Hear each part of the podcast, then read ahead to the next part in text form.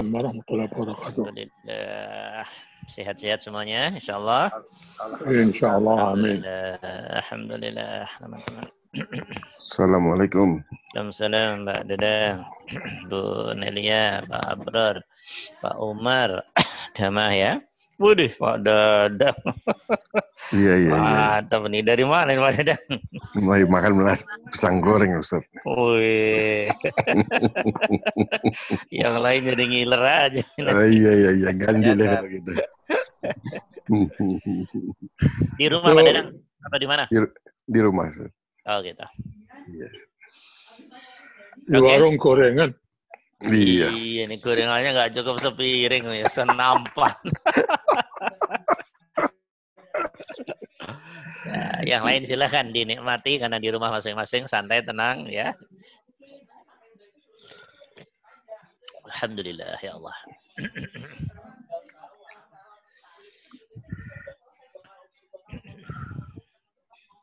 Ya teman-teman, ada pertanyaan sambil nunggu teman-teman? Kita persilahkan untuk pemanasan dulu.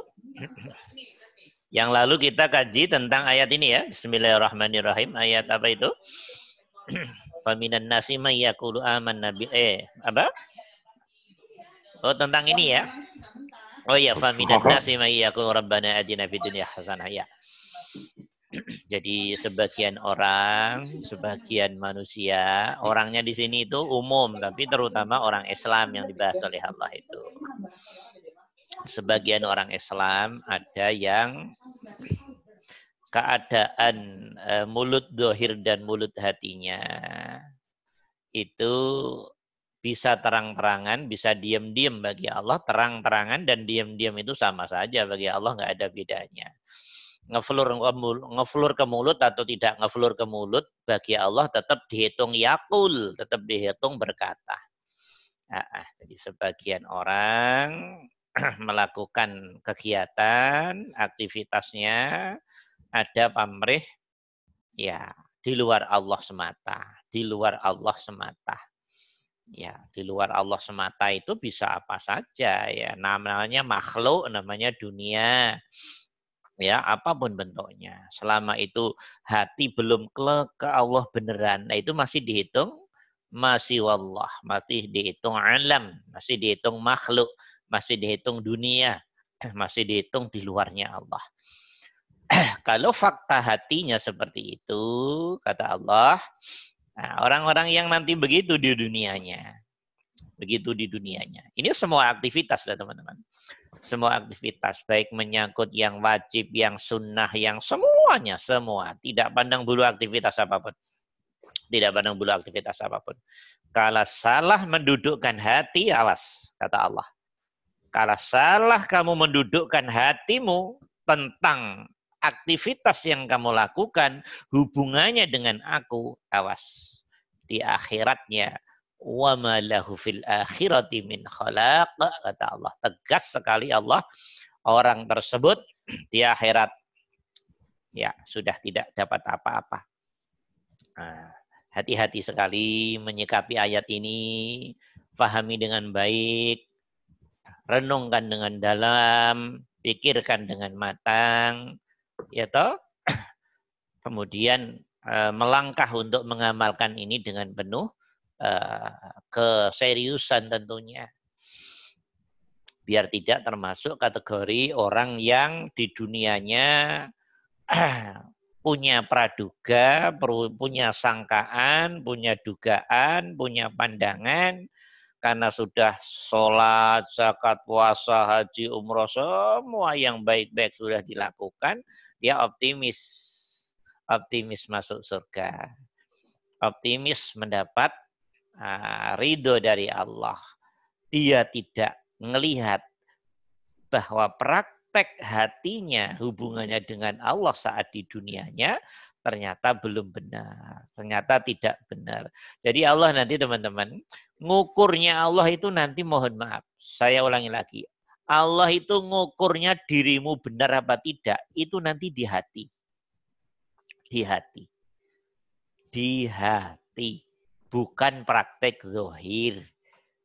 Kalau praktek zohir ya, ya begitulah. Baru Allahu Akbar aja udah beda-beda. Ada yang begini, ada yang begini, ada yang begini.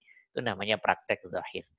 Bacaannya juga beda-beda. Itu praktek zohir. Tapi yang terpenting bagaimana kita mendudukkan hati itu kelak ke Allah sudah tidak masuk pada zona pertentangan yang zohir-zohir tadi.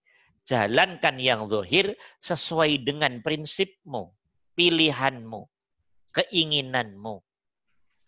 Oke. Jalankan yang dohir sesuai dengan nuranimu. Jalankan yang dohir sesuai dengan apa yang enjoy di hatimu. Setelah itu mendudukkan hati kelak ke Allah dan sampai jangan sampai ada satu pun makhluk nyelip di keleknya dengan Allah tadi. Kalau itu yang terjadi, semua aktivitasmu, bernilai ibadah di hadapan Allah. Walaupun itu tidur, walaupun itu tidur. Walaupun itu istirahat. Walaupun itu nonton TV. Dirimu dihitung, hatimu lurus pada Allah. Nah, gitu lah. Nanti Allah melihatnya ke situ, bukan melihat tampilannya, kopiahannya, Wah, sarungnya sama Samarinda, gak ada urusan itu ya. Iya, jubahnya ini ya, itu tambah bukan bukan bukan dari situ, bukan dari situ. Hati-hati loh ya, hati-hati. Nah, itu ayat yang kemarin. Sebagian orang ada yang seperti itu. Ada orang-orang yang begitu nanti. Nah, ini ada dua kemungkinan. Pertama, begini ini karena kebodohan. Satu. Kalau kebodohan namanya kebodohan gimana sih? Yang kedua, udah bodoh ngerasa pinter. Repot lagi deh ini. Ya, bodoh ngerasa pinter dan nggak mau berusaha untuk ngerti untuk belajar. Ini dua. Yang ketiga, atau orang ngerti berilmu tapi menolak laku yang lebih benar. Bisa juga. Iblis itu pinter. Jebak orang itu pinter. Biar tidak sampai kepada Allah. Wah, alasannya mau macem-macem bisa bisa direkayasa kalau alasan itu. Nah, gitu lah. Yang keempat, orang yang pintar tapi nggak mau laku. Totalitas kepada Allah. Empat tipe ini nanti, ya pasti habis di akhirat itu nanti. Pasti habis di akhirat. Pasti habis di akhirat. Ya, dah. Bisa dimengerti ini, teman-teman? Lah Allah pengennya yang kedua. Allah pengennya kita masuk zona tipe yang kedua. Nah, hati yang dalam setiap amaliyah apa pun, aktivitas apa pun, lurus kepada Allah. Lurus kepada Allah. Teman-teman, saya kasih garis bawah. Kita itu dari kecil, dari mulai lahir bahkan, udah didoktrin oleh orang tua, oleh lingkungan, oleh ustadz-ustadz kita, oleh guru-guru kita, oleh keluarga kita dengan namanya iming-iming pahala. Surga, bidadari, aneka kenikmatan surga, takut neraka. Oh, itu tiap hari, tiap jam terngiang-ngiang. Salah Ustadz. Loh sebetulnya nggak salah karena memang itu salah satu metodologi yang dipakai oleh Allah dalam Al-Quran. Tapi kalau hanya berhenti di situ, ya kurang pas dong. Masa sekolah kok berhentinya di situ terus gimana?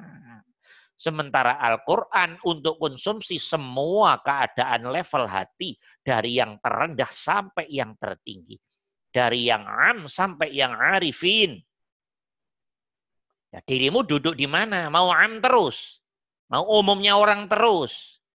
Ya monggo. Agak naik dikit, monggo. Agak naik dikit, monggo. Yang tertinggi, arifin, muhsinin, monggo.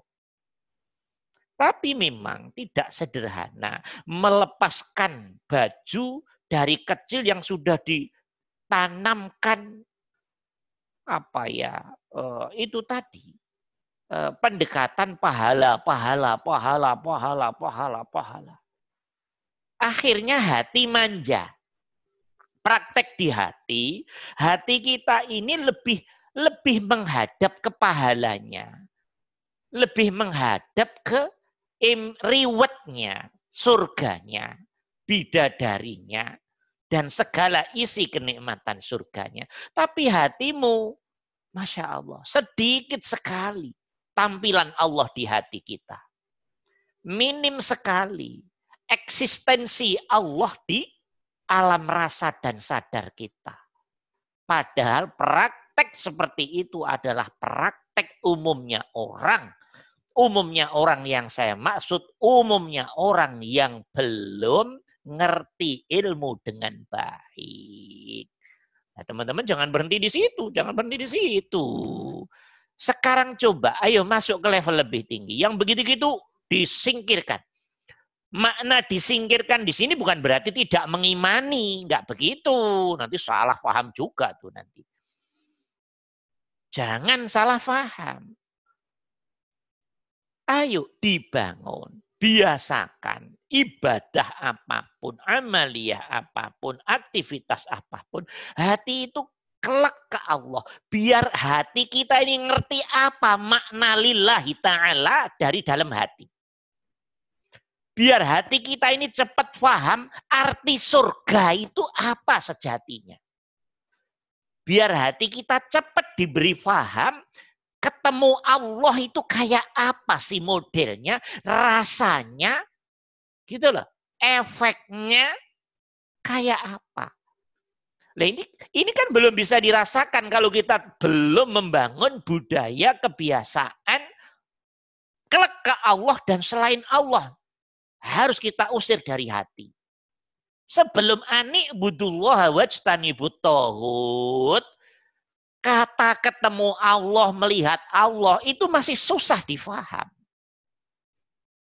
Karena biasanya hati sudah ditipu terus oleh nafsu, rasa yang mendominasi, rasa selain Allah. Allahnya sendiri belum punya pengaruh rasa dan kesadaran di hati kita. Sehingga Allah itu lebih kepada teori kepercayaan. Belum bisa dirasakan X-nya, nyesnya. Ini yang jadi masalah dari kita. Nah, karena itu Allah ingatkan, awas. Sebagian kamu ada yang begini. Sebagian kamu ada yang begini. Nah, yang diinginkan Allah yang kedua itu apa pun aktivitasnya lurus kepada Allah. Lah, yang aktivitas apa pun lurus kepada Allah, itu orang ini pasti secepatnya akan diberi faham makna lillahi ta'ala oleh Allah. Akan cepat secepatnya diberi faham ketemu Allah itu gini loh kata Allah. Dalam hati nanti akan ngomong begitu. Ngelihat Allah itu gini loh rek, gitu loh. Akan difahami oleh oleh Allah difahamkan itu nanti. Kemudian loh, Kok nikmat di surga paling tinggi ketemu Allah ya? Lah, coba coba nanti mikir loh. Oh, ini tah yang dimaksud oleh Allah. Jadi kalau gitu nggak usah nunggu mati nanti dong. Kalau di dunia sudah bisa duduk total pelek Allahnya dan selain Allah nggak ada di hatimu. Berarti dirimu akan diberi kefahaman oleh Allah saat itu. Gini loh rasanya ketemu aku. Gini loh, efek positifnya ketemu aku. Secara ruhiyah di hatimu, di pikiranmu, di rohmu, di jiwamu, di totalitas diri, lahir dan batinmu itu begini loh. Loh ini kalau prakteknya belum benar, belum punya jawaban ini tak teman-teman. Hanya ngomong kosong teori doang itu. Lillahi ta'ala. Lillahi ta'ala. Lah mulut tak lillahi ta'ala. Nawa itu semua gotin lillahi ta'ala. Mulut lah itu. Rak mulut itu. Soli fardul maghribi salat lillahi ta'ala. Lo mulut itu mulut.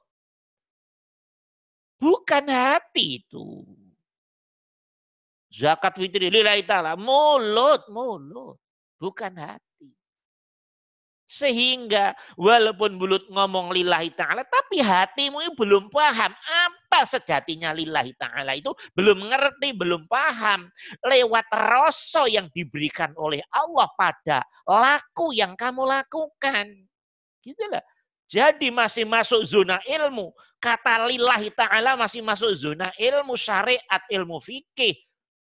Belum rasa yang kamu rasakan respon dari Allah ini loh lillahi ta'ala. Gini loh ketemu aku. Gini loh ngelihat aku.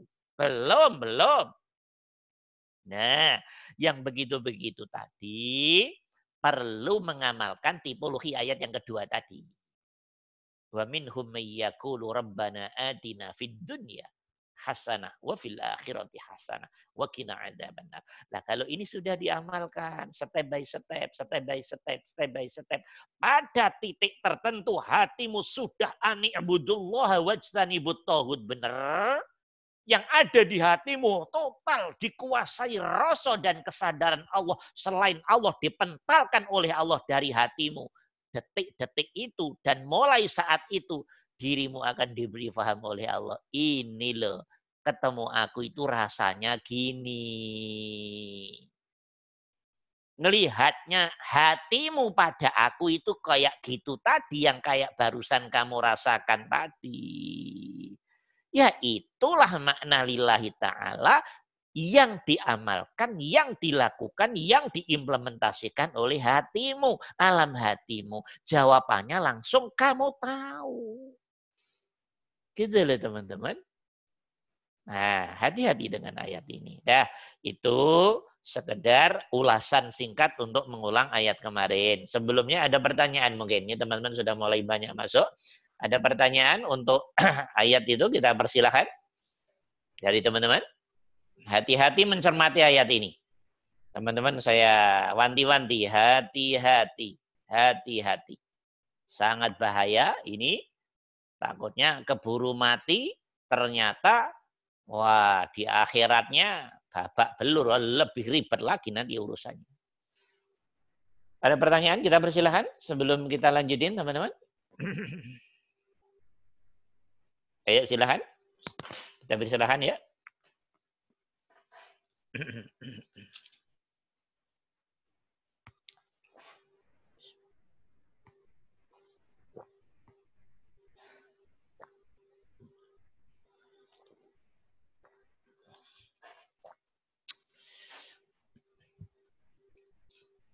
Pak Dadang, Pak Gadot, Pak Daud, Pak Sadifuddin, Pak Abra, Dama. Bu Asri orang yang masuk, Alhamdulillah. Bu Nelia. Ya. Saya ada Ustaz. Ustaz. Ya, silakan, silakan, mangga. Dama, uh, Ayo, ya. Dama. Emi ke mana Dama? Kok lama nggak kelihatan ya? Kurang tahu, Ustaz. Oh, enggak ini ya. Oke, silakan. Hmm.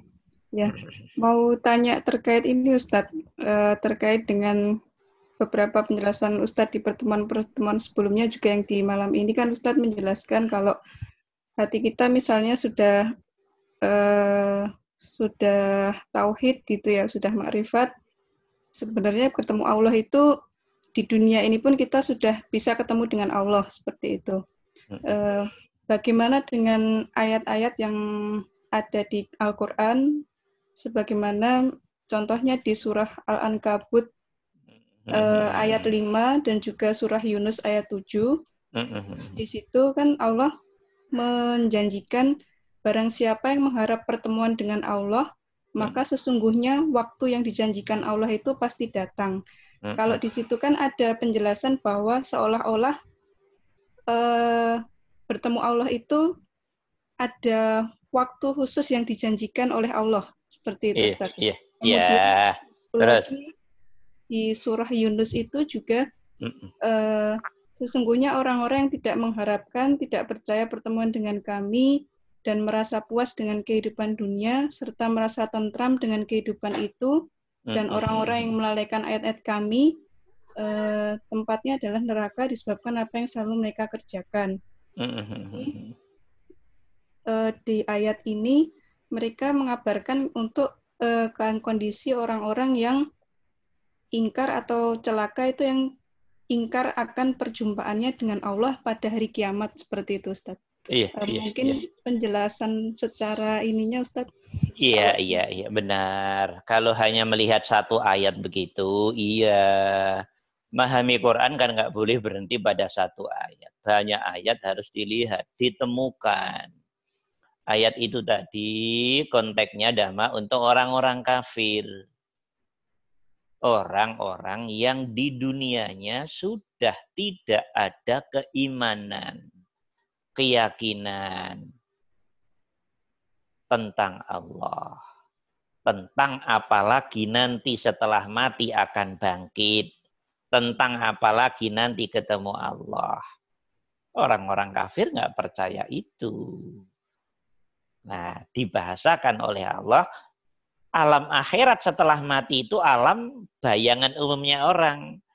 Bayangan umumnya orang, baik yang kafir maupun yang iman, pasti ketemu Allah. Tapi ayat yang lain lebih jelas, Allah ngomongnya kan jelas toh. Wa man kana fi hadhil a'ma wa huwa fil akhirati a'ma wa sabila yang di dunianya nggak kenal aku, nggak ngerti aku, nggak sampai aku, nggak tahu aku, nggak paham aku. Nah, di akhiratnya lebih tidak sampai. Dia masuk zona akhirat. Tapi keadaannya berbeda dengan orang yang sampai. Maksudnya begitu. Ya, secara umum seperti itu. Nah, apakah semua orang Islam nanti bisa melihat Allah dalam pengertian Lo melihat Allah sendiri kalau kita masuk zona ilmu ulama beda-beda. Oh yang lihatnya dengan mata kepala. Ada yang ngomong begitu. Enggak. Enggak lah lihatnya Allah karena Allah tidak berupa fisikly dan seterusnya. Ya it, melihat sesuai kaifiah yang Allah inginkan. Jadi bahasa Al-Quran banyak bahasa yang sifatnya kinayah, isaroh. Nah, begitu. Nah, melihat yang difahami oleh ahlul ma'rifah dengan banyak ayat, enggak kok melihat Allah itu gimana? Enggak, melihat Allah yang dimaksud adalah pakai rasa dan kesadaran mata hati kita, rasa dan kesadaran jiwa kita, ruh kita. Karena Allah nggak bisa dilihat oleh mata zohir, teman-teman. Allah itu bukan bukan hal yang physically. Maka nangkepnya Allah hanya bisa lewat rasa. Coba kalau Allah punya nama Al-Zohir. Allah kan namanya Allah salah satu Asmaul Husna namanya Al-Zohir. Yang Zohir. Lo Zohir artinya gamblang toh. Terang benderang toh, kelihatan toh. Iya terang benderang tapi untuk orang yang hatinya sudah bersih. Itu pun nggak melihat dalam pengertian Allah kayak apa. Enggak. Maksudnya ketajaman rosok. Nah, susah dibayangkan juga. Tapi paling tidak teman-teman bisa, oh ketajaman rosok dan sadar yang sifatnya totalitas keimanan, keyakinan tentang Allah itu sendiri. Jadi begitu bentuknya yang efeknya orang itu diberi ketenangan oleh Allah, kedamaian oleh Allah, ketentraman oleh Allah, dan seterusnya dan seterusnya. Nah, itulah yang disebut ihsan itu. Pertemuan Allah di dunia dalam bentuk seperti itu. Hidup sudah final karena sudah hasanah. Semuanya jadi enak kalau sudah ketemu Allah. Beneran itu teman-teman. Walaupun ini berlevel-level juga. Nah kalau hidup semuanya sudah serba enak, berarti ketemu Allah dirimu sudah. Nah di akhiratnya, nah, insya Allah ketemu. Di dunianya ketemu kok, di akhiratnya ketemu. Di dunianya ngelihat, nanti di akhirat ngelihat. Cuman ngelihatnya Allah, tolong jangan teman-teman bayangan kayak kita ngelihat matahari. Jangan dong. Kan Allah bukan physically. Allah bukan fisik. Ya gimana Ustadz? Ya nggak tahu nanti mati dulu baru ngerti. Nah kalau di akhirat nunggu mati dulu, jangan berantem dulu, nunggu mati dulu. Tapi bayangkan ini sifatnya adalah zona mata hati, ainul basirah, uzunul basirah, lisanul basirah. Pakainya rasa dan kesadaran tadi. Gitu ya, Dama bisa dimengerti? Ayat-ayat tadi khusus untuk orang-orang kafir. Iya, Ustaz. Nah, sekarang nggak usah orang kafir. Orang muslim, orang mukmin pun yang mata hatinya masih buta dan keburu mati dijawab oleh Allah man kana fi hadhil a'ma fa huwa fil akhirati a'ma wa adallu sabila. Kalau orang kafir karuan lah. Kalau orang kafir karuan. Kalau orang kafir udah nggak ibaratnya nggak usah ada pertanyaan. Nah, kita saja yang tiap hari sholat. Ya toh alhamdulillah zakat, puasa, haji, umroh istilahnya. dan yang lain-lain dikerjakan. Kalau duduknya hati salah, nggak sampai kepada Allah, itu aja Allah sudah ngomongnya. Wa man kana fi hadil a'ma wa huwa fil akhirati a'ma wa adallu sabila kok. Di akhiratnya lebih sesat daripada kehidupan di dunianya. Hubungannya dia dengan aku Allah. Loh gitu loh.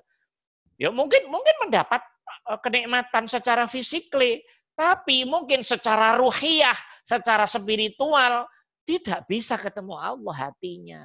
Kalau digambarkan sederhana bisa begitu. Karena kan belum sama-sama matinya, jadi susah dong ceritanya kan begitu. Ya, tapi kalau diceritakan keadaan di dunia secara umum seperti itu, gitu lah. Paham ya, insya Allah? Paham, paham, mengerti? Dama, paham? Insya Allah, ada, ada lagi yang diperkuat? Bagian mana lagi? Dama? Sudah, Ustaz. Sudah ya, clear. Yang lain mungkin kita persilahkan, teman-teman. Sebelum kita lanjutin, kita persilahkan. Assalamualaikum Ustaz. Ya, mangga. Uh, Ustaz, uh, kemarin itu saya sempat uh, lihat YouTube, mm -hmm. lihat ceramah ceramahnya Abah Uci mm -hmm. yang di Banten.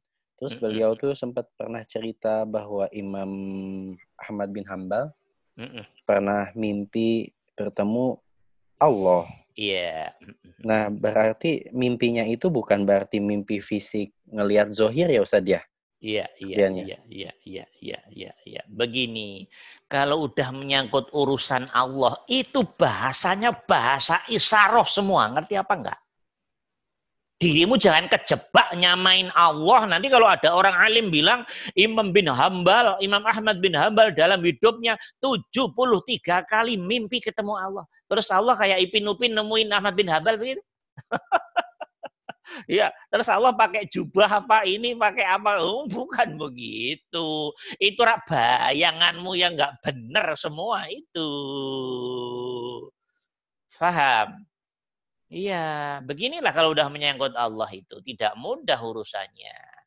Ya kaifiyahnya yang tahu persis umpamanya. Nabi Musa dalam Quran diomong. Wa kallamallahu Musa taklima. Musa dan Allah ngobrol. Terus uh, Nabi Musa sama kayak saya ketemu. Gimana Musa kabarnya coy? Ya gitu. Enggak lah. Enggak teman-teman, bukan begitu. Itu pemahaman ya Allah teman-teman yang masih jauh. Ini semua dialektikanya lewat hati semuanya.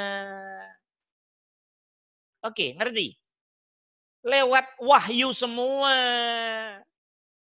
Bisa dimengerti. Cuman umumnya orang nggak akan paham kalau nggak difilmkan ini ada Musa, di sini gambar apa yang menggambarkan Allah.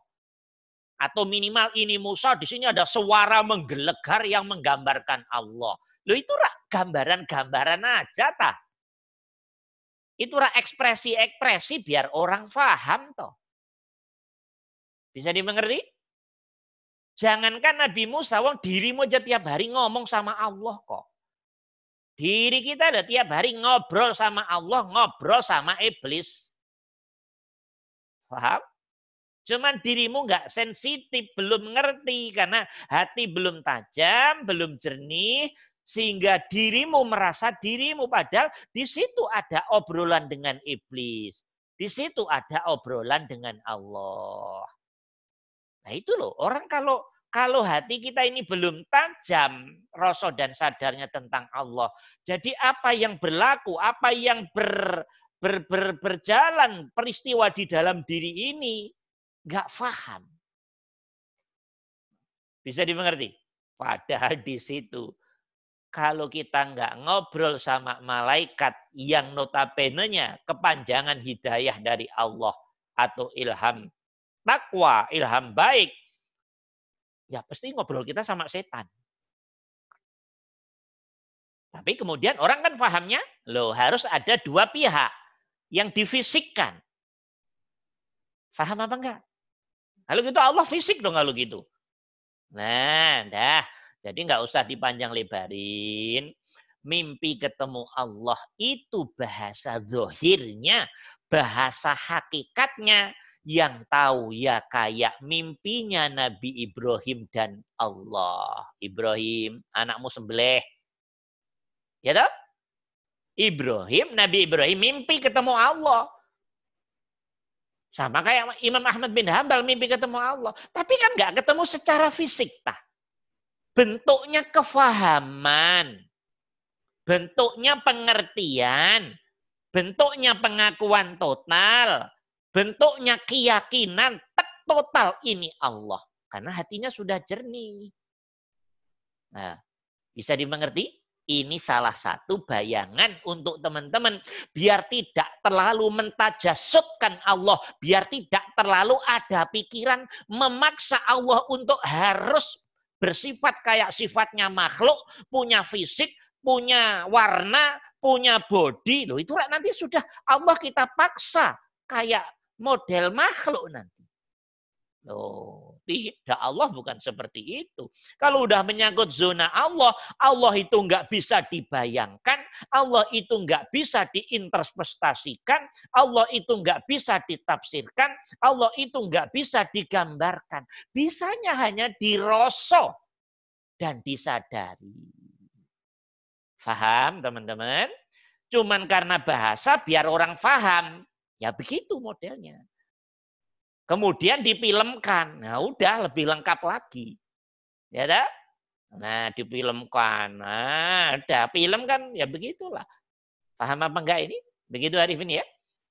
Ya, kalimat itu jangan difahami secara tekstual letterlek apa adanya. Paham? Tetap harus mensucikan Allah, membersihkan zatnya Allah, bahwa Allah zat yang laisa kamislihi sayun wa huwas sami'ul basir. Nah, itu bahasa mimpi. Maksudnya torikohnya ya torikoh, torikoh wahyu, torikoh ilham, torikoh ngobrol lewat dalam dalam rohaniyah, lewat alam roha, rohani. Ngobrol baik alam rohani, ruhiyah, latifah robbaniyahnya Allah. Dan nggak perlu suara kenceng menggelegar juga. Itu lagi-lagi itu rak film ta itu. Itu film itu teman-teman. Yang mewarnai, eh, yang mm, mengkontaminasikan pikiran teman-teman saja. Sehingga Allah dihukumi kayak makhluk. Tidak begitu, tidak begitu. Nah, kalau Allah sudah jelas saya laisa kamislihi sayun wa huwa samiul basir. Saya tidak akan serupa dengan apa pun, hal apa pun dan siapa pun. Nah, tapi bisa kita rosok. Bisa kita rosok. Ayo, kamu ngaji, dorongan yang kuat tidak ada suaranya, tidak ada lafadznya, tapi dirimu faham. Yuk ngaji. Dorongan itu Sejatinya rak kalam. Sejatinya rak bahasa. Sejatinya ilham. Begitu loh gambarannya Arifin. Nah, oke. Okay? Nanti setan. Udah nggak usah, inti lagi sibuk. Lagi apa. Di dalam diri sana kan ada suara-suara itu. Ya tuh. Tidak kedengaran fisiknya, tapi eh, telinga hati kedengaran. Oke. Tidak ada tulisannya, tapi mata hati ngerti, faham. Nah, ini ini sudah bahasa ruhiyah semua. Bahasa roh. Gitu Arifin. Sama dalam konteks Imam Ahmad bin Hambal mimpi ketemu Allah. Hakikatnya hanya Allah dan Imam Ahmad bin Hambal yang tahu. Tapi kalau masuk zona idealisme tauhid, yaitu mah secara ruhiyah dialog lewat hati. Oke, pertemuan bayi ruhiyah. Kayak pertemuannya orang yang zikir sirul asror, kalau dia fana, loh, ketemu Allah. Begitu. Paham maksud saya? Ya, oke. Ada lagi yang lain mungkin? Satu lagi. Kita persilahkan teman-teman. Pak Umar ada pertanyaan yang lain? Pak Gadot? Ya, ya. mohon izin Ustaz. Ini mengenai ayat yang minggu lalu Ustaz. Suara, suaranya mohon dikecilin dikit Pak Gadot. Ya. Sudah Ustaz. Ya, oke. Okay. mengenai ayat yang minggu lalu mengenai wa minhum may yaqulu rabbana atina fid dunya hasanah Mm. akhirati hasanah wa qina azabannar. Ya. Yang mau saya tekankan ini mengenai hasanah ini Ustaz. Mm. Kita, uh, posisi hasanah ini hati kita sudah masuk ke harus Rasa ya. Allah, rasa mutmainah, Allah, kesadaran Allah total. Pertanyaannya apa? Nah, ap- apakah hasanah di sini hati kita harus mencapai uh, mutmainah kan? Karena Iya, dalam iya, ayat iya, sendiri iya. saya pernah baca Hai jiwa yang tenang, Ya, kembalilah kepada Tuhanmu dengan hati yang puas lagi rid- lagi diridoinya. ya, Maka masuklah ke dalam jemaah hamba-hambaku, masuklah ke dalam surgaku. ya. Yang surat Al-Fajr ya, 27. Ya, ya, ya, ya, ya, ya. Mm. Begini, sudah itu aja pertanyaannya. Yang sudah itu. ya. Gini loh teman-teman, itu yang saya maksud keterangan saya yang depan tadi, teman-teman. Selama ini kita belum diberi faham oleh Allah makna ketenangan hati, makna lillahi ta'ala, makna ketemu Allah, makna mutmainnah, itu belum diklik oleh Allah karena hati kita belum benar. Kita pengalaman lama itu, puluhan tahun begitu. Ngerti?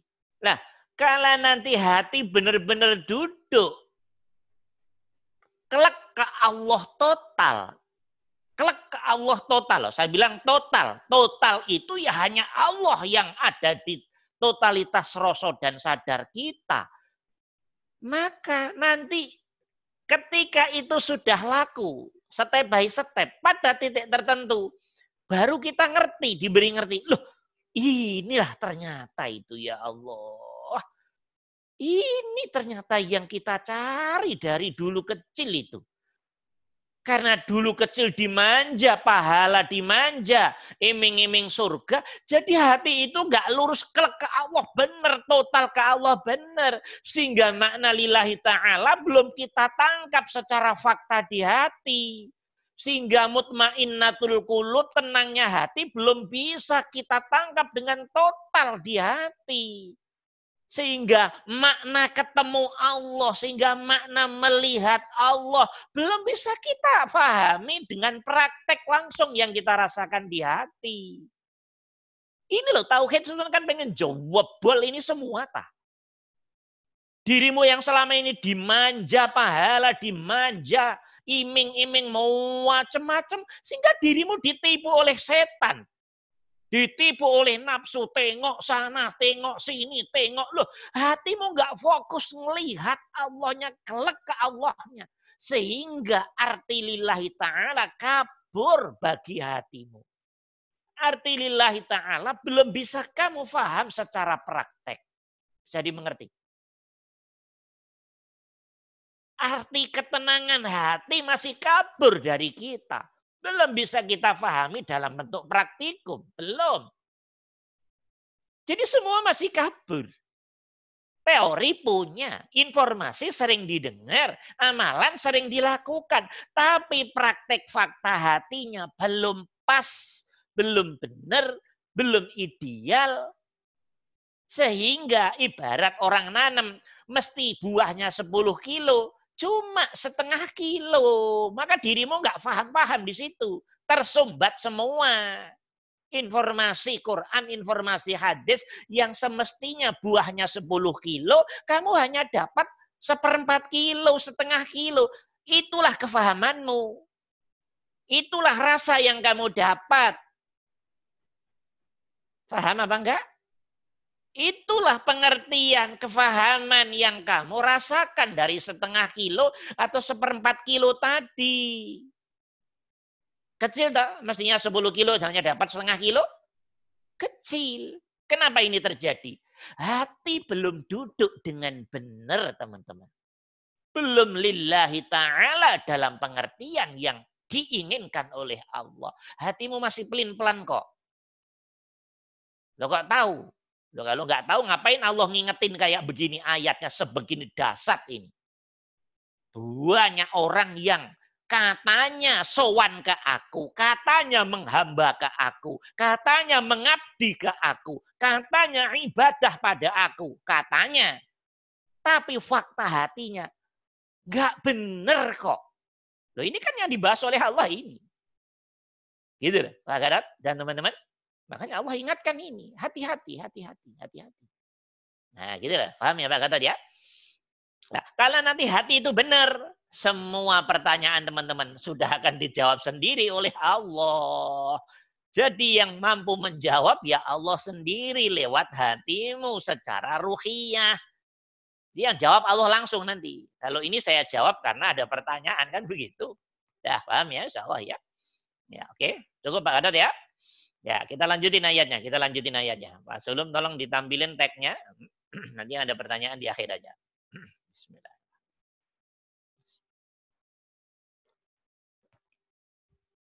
Alhamdulillah. Ini ayat Al-Baqarah, surat Al-Baqarah ayat 200. Ini banyak ayat yang seidentik itu, tapi nggak bisa dibahas semuanya. Perwakilanlah beberapa ayat, yang penting biar hati kita menjadi semakin mapan, mapan, mapan tentang Allah, dewasa, dewasa, dewasa tentang Allah dan uh, sehingga hati berpaling dari selain Allah benar. Yuk kita baca bareng-bareng ayat uh, kedua yang semakna dengan ayat yang kita kaji ini uh, dari Asu Asyura ya. Ya, kita baca bareng-bareng ya. A'udzu billahi minasyaitonir rajim. بسم الله الرحمن الرحيم. يا من كان يريد حرس الآخرة نزد له في حرسه ومن كان يريد حرس الدنيا نؤتيه منها. وما له في الآخرة من نصيب. Ya, من كان يريد حرس الآخرة Ini teman-teman, ayat yang kita pilih ini ayat-ayat yang dasar sekali, yang penting-penting sekali menjadi bekal uh, hati kita untuk mengarungi kehidupan dunia dan akhirat. Makanya teman-teman harus sering kaji. Ya. Mangkana. Man apa artinya man? Siapa? Barang siapa ya. Hmm. Karena. Karena itu ada atau adalah. Yuridu. Aroda. Yuridu. Apa artinya aroda yuridu teman-teman? Dari. Hmm? Yuridu itu menginginkan. Irodah. Oh, Aroda yuridu masdarnya irodah.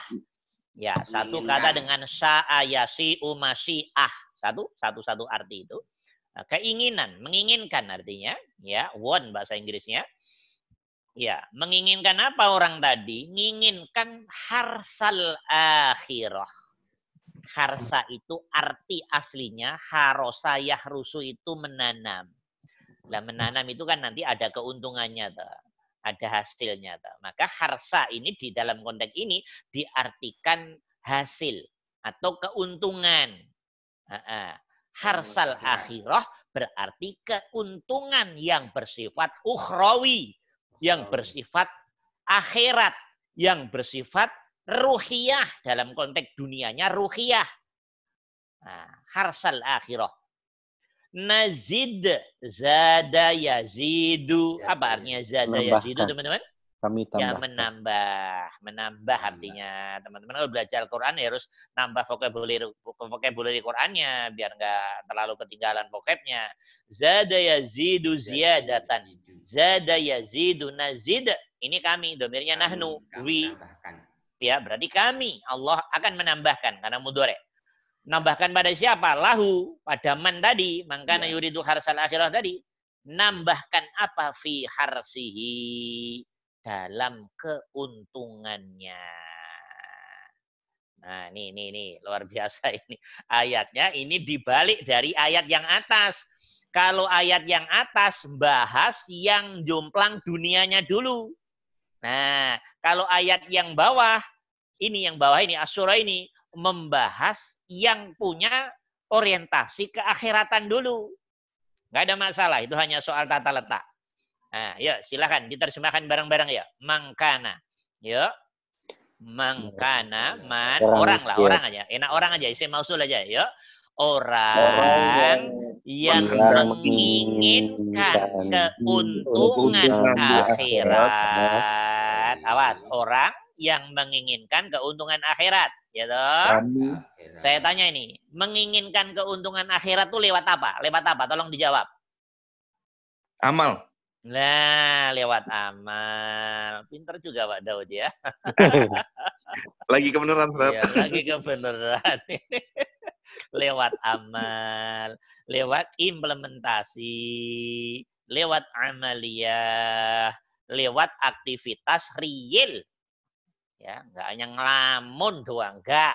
Ya, aktivitas real, ya.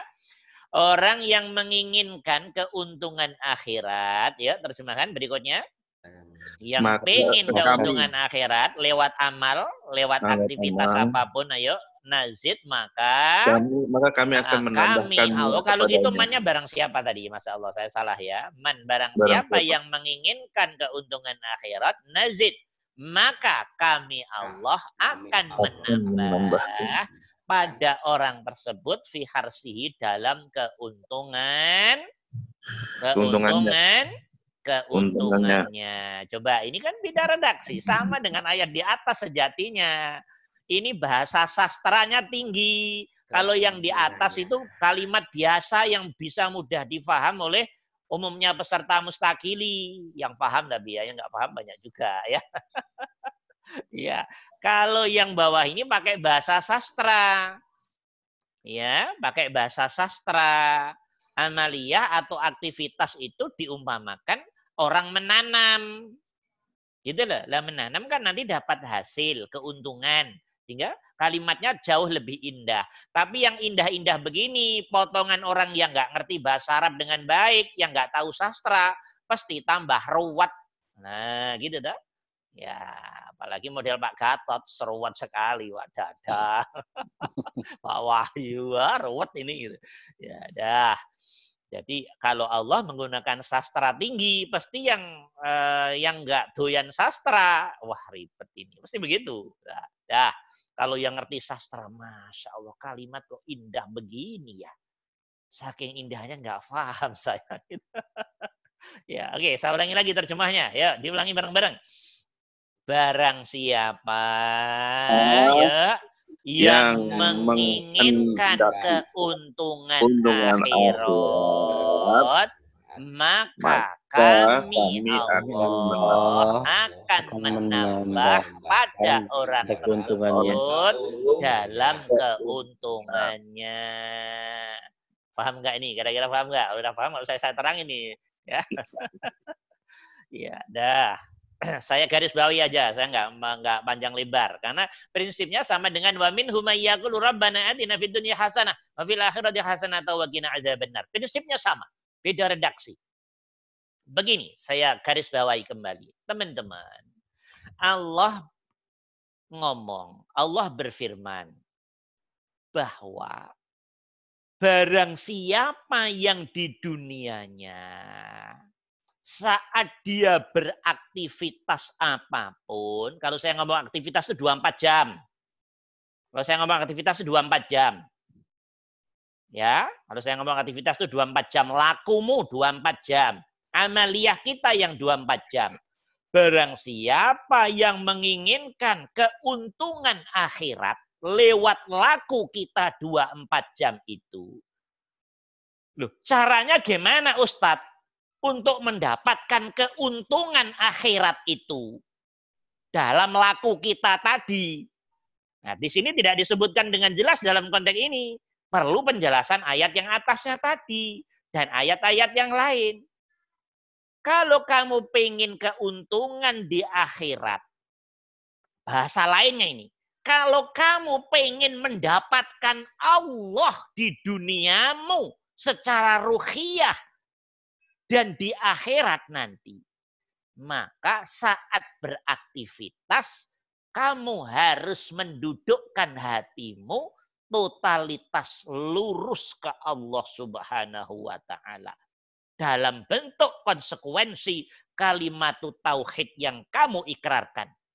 Dalam bentuk konsekuensi kalimat syahadat yang kamu saksikan dalam bentuk konsekuensi iya karena butuh yang kamu ikrarkan dalam setiap sholat.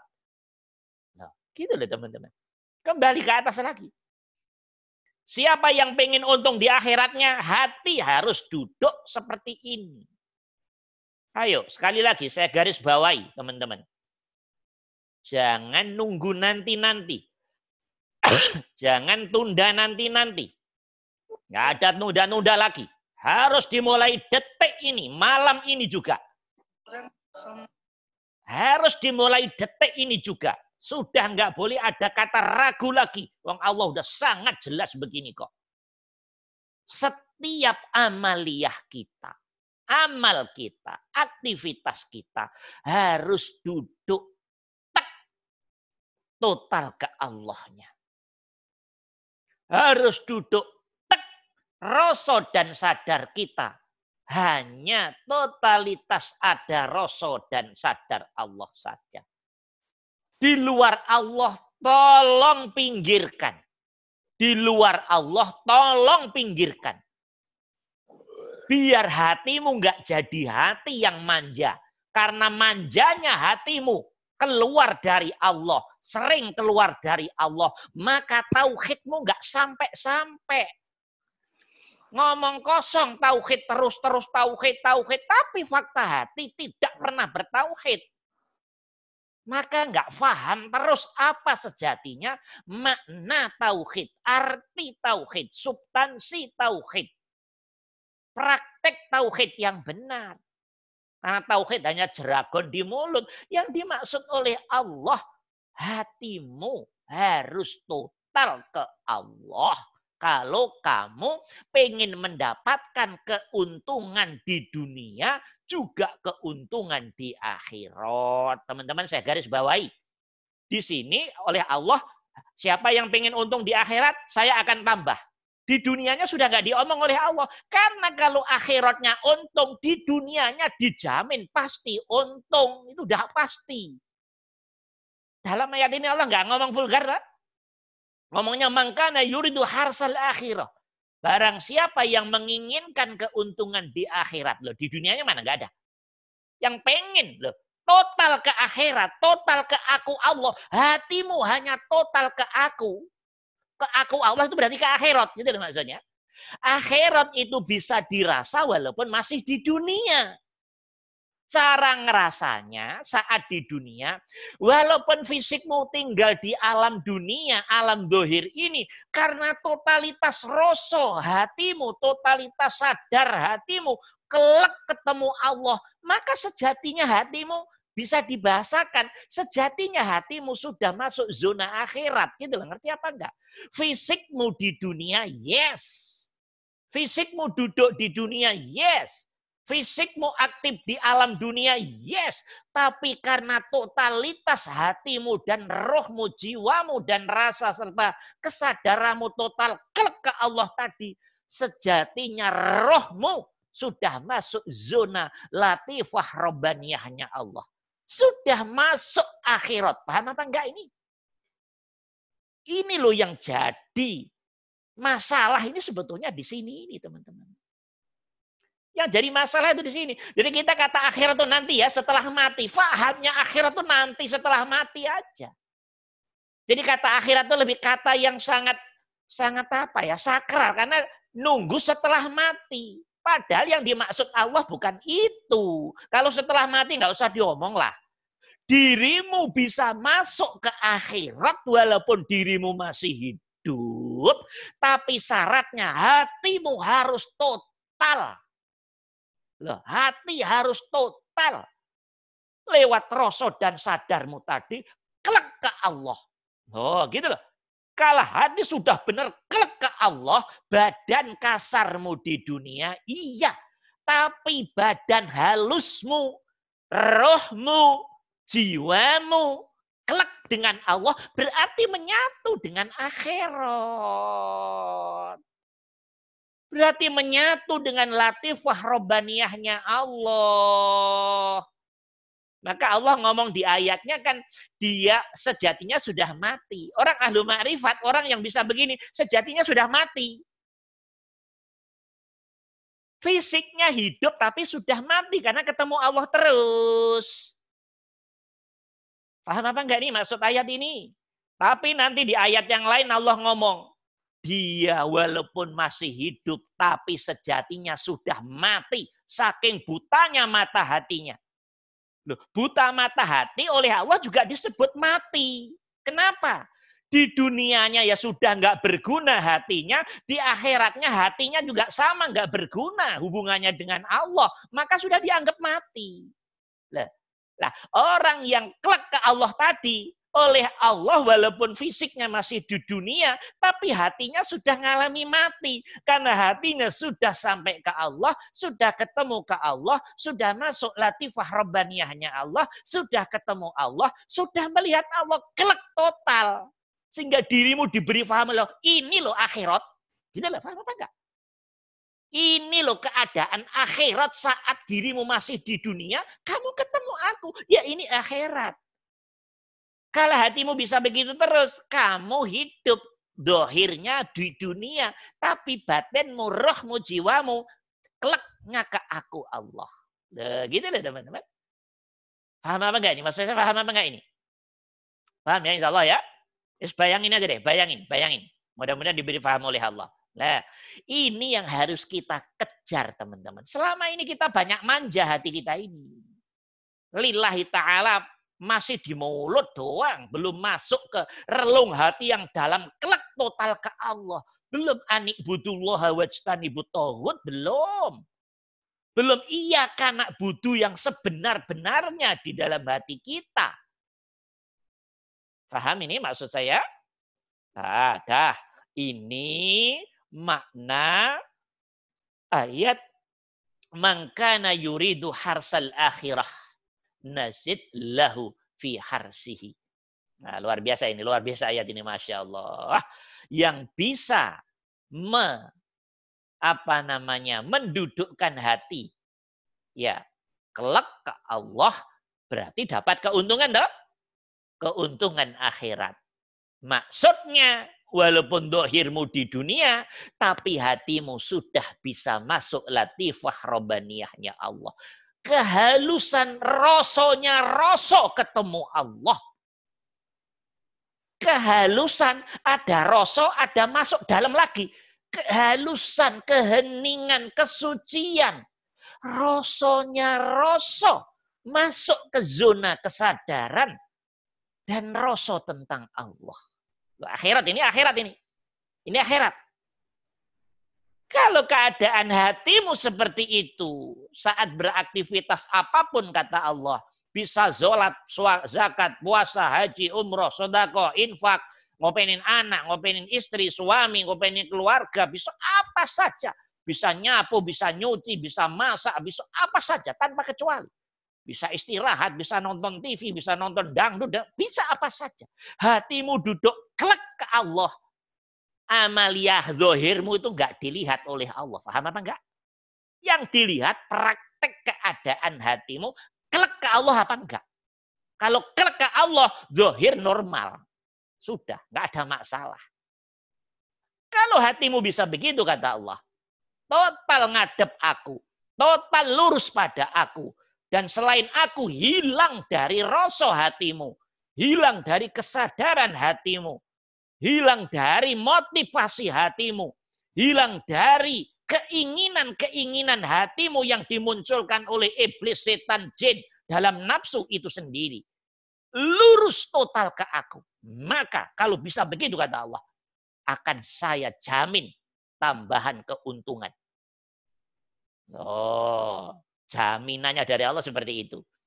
Jaminannya ya fid dunya hasanah fil akhirah hasanah wakina ada banar. Ya, ayatnya gamblang sekali ini, tapi pakai sastra ini, pakai sastra. Nah, kita harus bisa ini, teman-teman. Harus, harus. Mulai malam ini harus udah ngerti ayatnya kok. Jangan ragu-ragu lagi.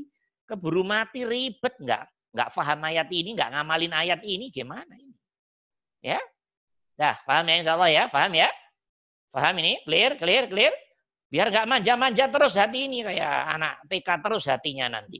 Kefahamannya tentang Allah itu aja, begitu aja, nggak maju-maju. Yang maju hanya ilmu zohirnya, informasi zohir tentang pengetahuan tentang Allah, tapi lakunya nggak maju-maju. Ya ribet urusannya kalau begitu nanti. Dah, paham insya Allah ya ini ya? Paham teman-teman? Paham ya? Insya Allah. Ya, oke, Alhamdulillah. Pak Daud paham nih, Pak Daud nih. paham Ustaz, paham. Nah, oke, bagus. Ya, oke. Ayat berikutnya dilanjutkan oleh Allah. Ya, kita baca bareng-bareng. Ya. Wa man kana yuridu harsad dunya nu'tihi minha wa ma lahu fil akhirati min nasib. Ya Allah, ini kalau ini masya Allah luar biasa ayat ini. Wa mangkana mudah, pokoknya mudah, nggak ada yang susah. Uh, mangkana yurid sudah tahu tadi, harsad dunia ya, sudah tahu, nuktihi, atayukti nukti. Artinya memberi. Kalau nukti berarti kami Allah memberi. Hi pada orang tadi, barang siapa orang tadi. Minha dari dunia, wa malahu. Dan tidaklah baginya fil akhirati min nasib. Nasib itu sama dengan kholak. Nasib, orang Indonesia bilang nasib. Nah, ini nasib ini. Artinya bagian. Artinya bagian. Wa malahu fil akhirati min nasib. Dan tidaklah orang yang hatinya seperti keadaan yang kedua ini di akhirat tidak ada bagian sedikit pun masya Allah apa enggak babak belur hati nanti diri apa enggak babak belur nanti menyesal nangis darah nanti di sana teman-teman gara-gara enggak faham ayat ini enggak laku amal ini enggak mengamalkan ayat ini karena orang mengamalkan kan karena berangkat dari kefahaman tah. Kalau enggak faham bisa tak ngamalkan. Ya enggak bisa dong. Ya oke. Okay. Ayo diterjemahkan bareng-bareng. Wa man kana yuridu harsad dunya nu'tihi minha ya.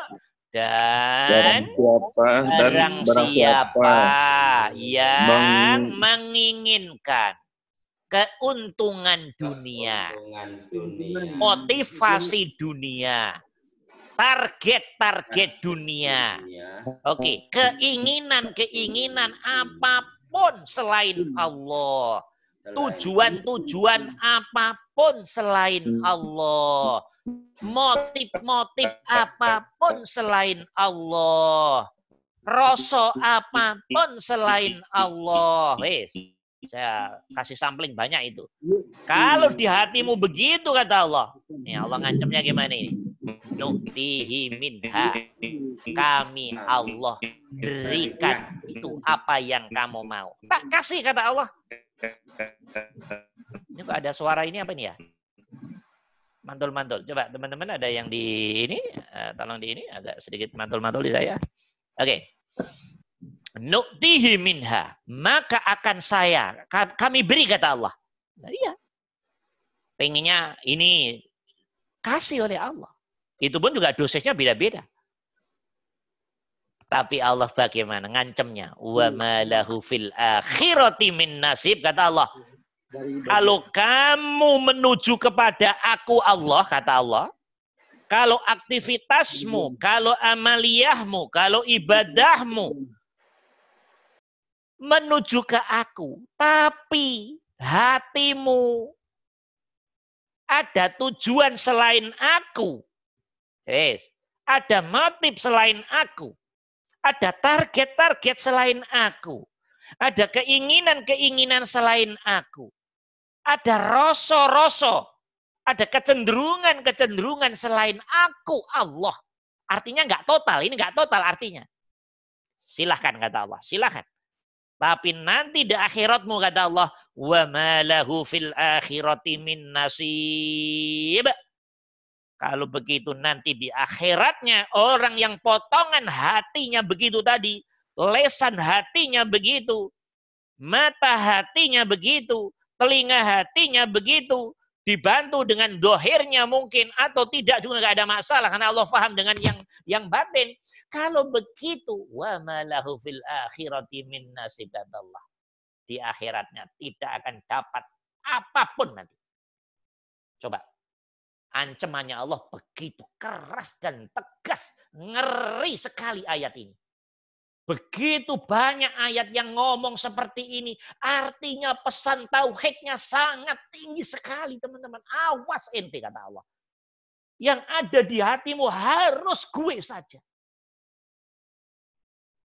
Berapa puluh ayat berderet-deret membahas ini nanti. Saking pentingnya ini Allah ingatkan berulang-ulang di banyak surat. Di berbagai macam ayat. Tujuannya biar kita nggak kesasar kepada selain Allah. Tapi faktanya ya tetap aja.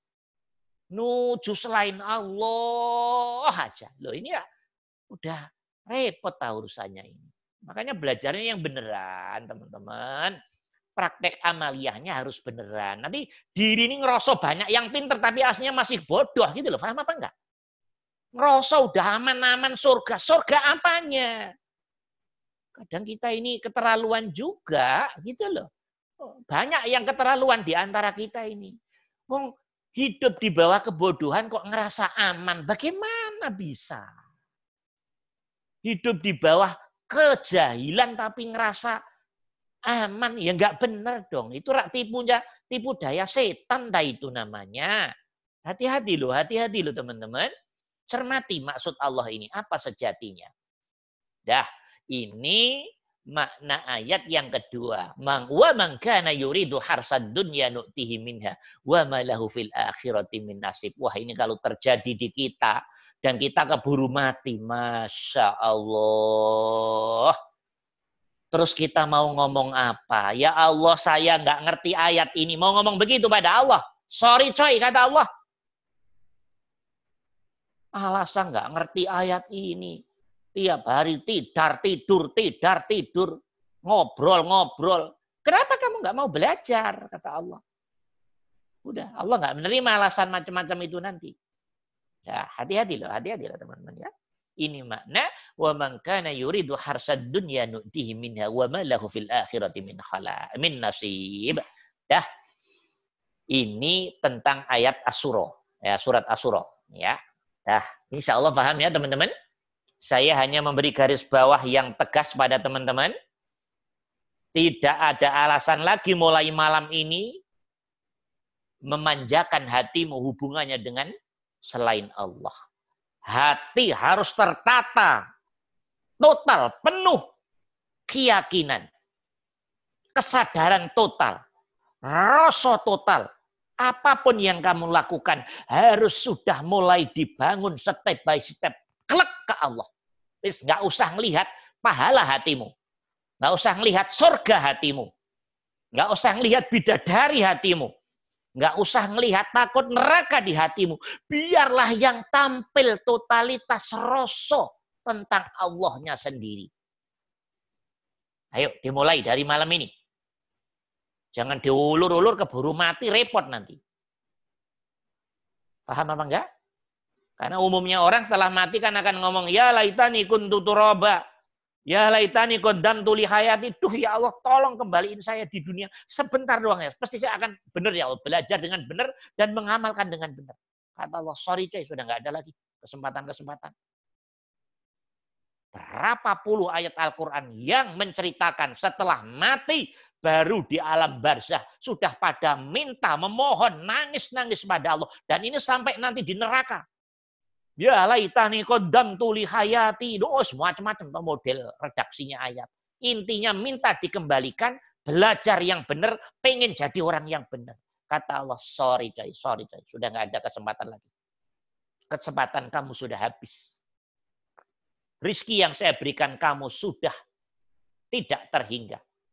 Kesehatan semua ada. Tapi saat kamu punya itu nggak kamu gunakan dengan baik untuk belajar tentang aku dan menuju pada aku. Sudah tidak bisa diterima permohonanmu. Apa apa enggak babak belur kalau kita keburu mati dan enggak paham ayat-ayat seperti ini. Dah, maka dari sekarang ayo ayo ayo laku.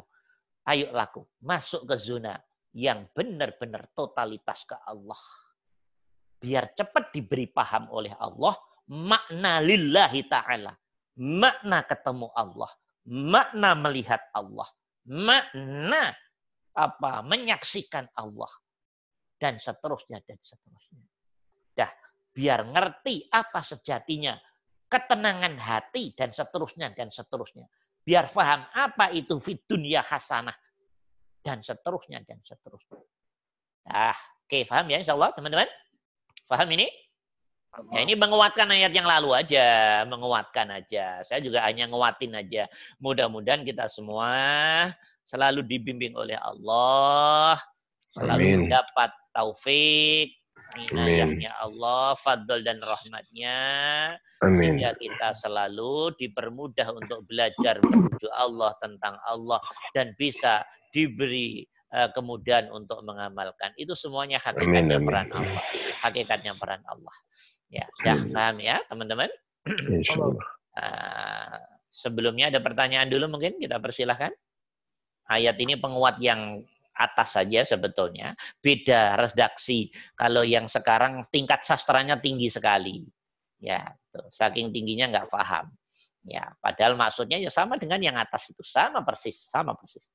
Ya, jadi ya Allah, perhatikan dengan baik ayat ini. Sekali lagi perhatikan. Kalau tidak kita akan nangis darah nanti di setelah mati nanti. Ya Allah, benar ternyata. Apa yang saya lakukan kelihatannya banyak, ternyata zero, kosong semua. Karena ternyata belum ada ketulusan total kepadamu ya Allah. Nah, gitu. Nah, teman-teman yang belum paham nih, dikira ibadah itu pasti sholat, zakat, puasa, haji, umroh. Itu namanya ibadah mahdoh. Ya nggak usah diomong lah kalau gitu itu. Nah, di luar itu tadi apa namanya? Ayo, di luar itu apa namanya? Nyapu ke kantor, ke pasar, ke mall, ke sawah. Itu apa namanya? Ya itu ibadah. Jadi ibadah apa tidak, gimana hatimu? Harsal akhirah atau harsal dunia, gitu aja. Jadi walaupun itu sholat, kok harsal harsat dunia, ya tetaplah. Tidak dapat apa-apa di akhirat nanti. Walaupun itu zakat, puasa, haji, umroh. Kok hatimu harsat dunia? Ya tetap wa malahu fil akhirati min nasib. Itu aja kok. Oke. Jadi ini urusan hati. Urusan hati. Jadi sampai ke Allah apa tidak. Sampai pada Allah apa tidak. Itu penentunya hatimu sendiri. Penentunya hatimu sendiri lurus ke Allah total apa tidak. Kalau lurus total ke Allah berarti harsal akhirah.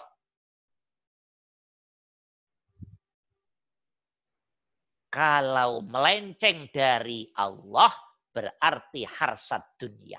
Sudah, itu saja. Ya, ya silakan ada pertanyaan, kita persilahkan. Yang mau diperdalam, ya, Fadal, mangga.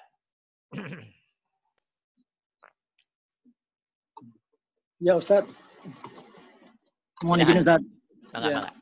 Jadi uh, setelah uh, mendalami ayat ini, jadi barang siapa menghendaki keuntungan di di akhirat, ya. Akan kami uh, tambah keuntungan. Hmm. Jadi dalam doa kita itu ada baiknya kita mengan, apa, mengandalkan ke akhirat ya Ustaz ya.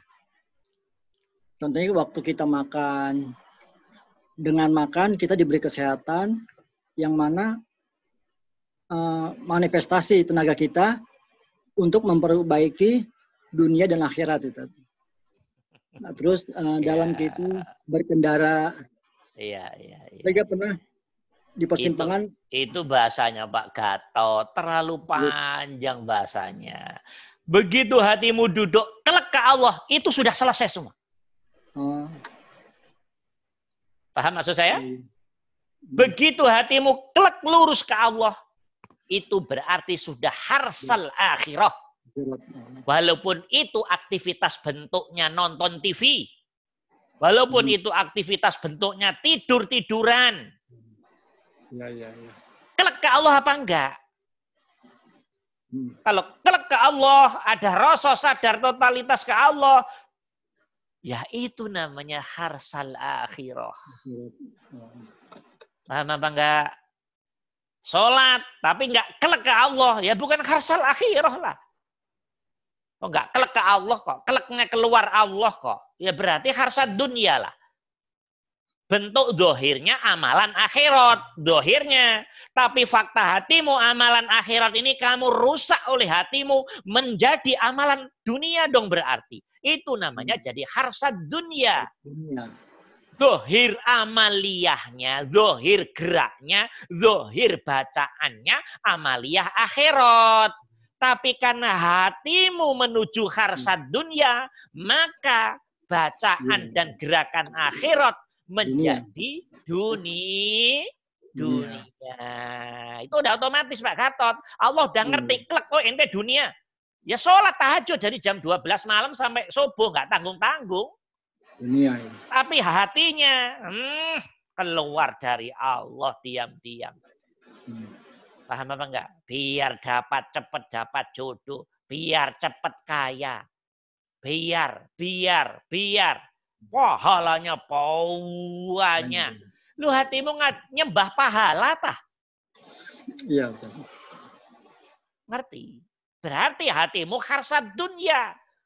Bentuknya tahajud menurut fikih dan syariat hmm. tahajud adalah akhirat. Tapi karena pelakunya, hatinya harsa dunia, hmm. maka diputuskan oleh Allah di akhiratnya nanti. Tahajudmu jadi barang dunia. Paham apa enggak? Mengerti? Ya. Kekayaan. Ini banyak orang nggak paham ini, mohon maaf. Banyak orang nggak paham itu. Karena kalau sudah sholat jamaah, sholat ini ini pasti lo lo lo lo lo lo Melihatnya bukan fisiknya, teman-teman. Yang dilihat Allah hati si pelaku bagaimana. Totalitas harsal dunia atau totalitas harsal akhirah. Kalau totalitas harsal akhirah, kelak ke Allah benar. Walaupun dia tidur-tiduran, walaupun dia nonton TV, jadi ketemu Allah dan menjadi barang akhirat itu. Walaupun haji, umroh kayak tiap tahun haji sampai 21 kali kayak kalau hatinya duduk di harsat dunia, ya tetap lah tambah di bakar di neraka paling pertama. Paham apa enggak? Iya. iya. Tiap tahun haji sementara kanan kiri makan aja enggak bisa. Ya toh? Berarti harsa dunia itu namanya. Loh. Ya. Ngerti maksud saya iya, ya? Sampling ya. ini Pak Gadot paham ini? Ya, paham. Ya. Itu bahasa sederhananya begitu. Nanti bahasa ya. ilmiah nama nggak paham kita. Ya, ada lagi yang lain, kita persilahkan. Hati-hati loh, ini ayat sangat-sangat wah gawat sekali ini. Jadi kita ini walaupun ibadah apa pun macamnya, kok nggak paham ayat ini, kemudian laku, mengamalkan, mengimplementasikan, mempraktekkan makna ayat ini. Wah, babak belur kita teman-teman. Nah, saya jamin babak belur. Seribu tahun pun umur kita. Kalau salah duduk hati, mestinya harsal akhirah, hati ke harsat dunia. Hmm, habis kita nanti. Habis kita. Awas lo, hati-hati iya, lo. Iya. Allah mengingatkan berapa kali ini. Biar, kenapa Allah ngingetin berapa kali, banyak kali. Biar sampai, jangan sampai diri kita kepleset. Gitu loh, maksudnya itu. Nah, kok nanti kepleset, Allah tinggal nyalain dasar itu salah ente sendiri gitu loh. Paham apa enggak? Kan nanti banyak orang pada berbondong-bondong ke Allah. Loh ya Allah mana pahala sholat saya, zakat saya, ini saya, haji, umroh, ini semua. Ya Allah jawabnya enak. Loh saat kamu melakukan kan hatimu harsat dunia. Iya. Kalau saat kamu melakukan walaupun itu sholat, zakat, puasa, haji, hatimu harsat dunia. Loh kenapa kamu minta pahala dari aku? Kalau hatimu harsat dunia berarti di hatimu mengabdi kepada nafsumu dong sejatinya. Ya. Ngabdi pada dirimu sendiri. Ngabdi pada egomu sendiri. Kamu ditipu oleh setan, kamu ditipu oleh iblis. Kamu ditipu oleh nafsumu dan kamu mengikuti suara itu. Saya tidak bisa membayar orang yang tidak harsal akhirah. Maka oleh Allah dipertegas wa malahu fil akhirati min nasib. Tidak ada apa-apa di akhirat. Enggak mendapat pahala. Apa? Enggak ada. nggak dapat apa pun dalam bahasa kasar bahasa kita, nggak dapat sepeser pun nggak dapat.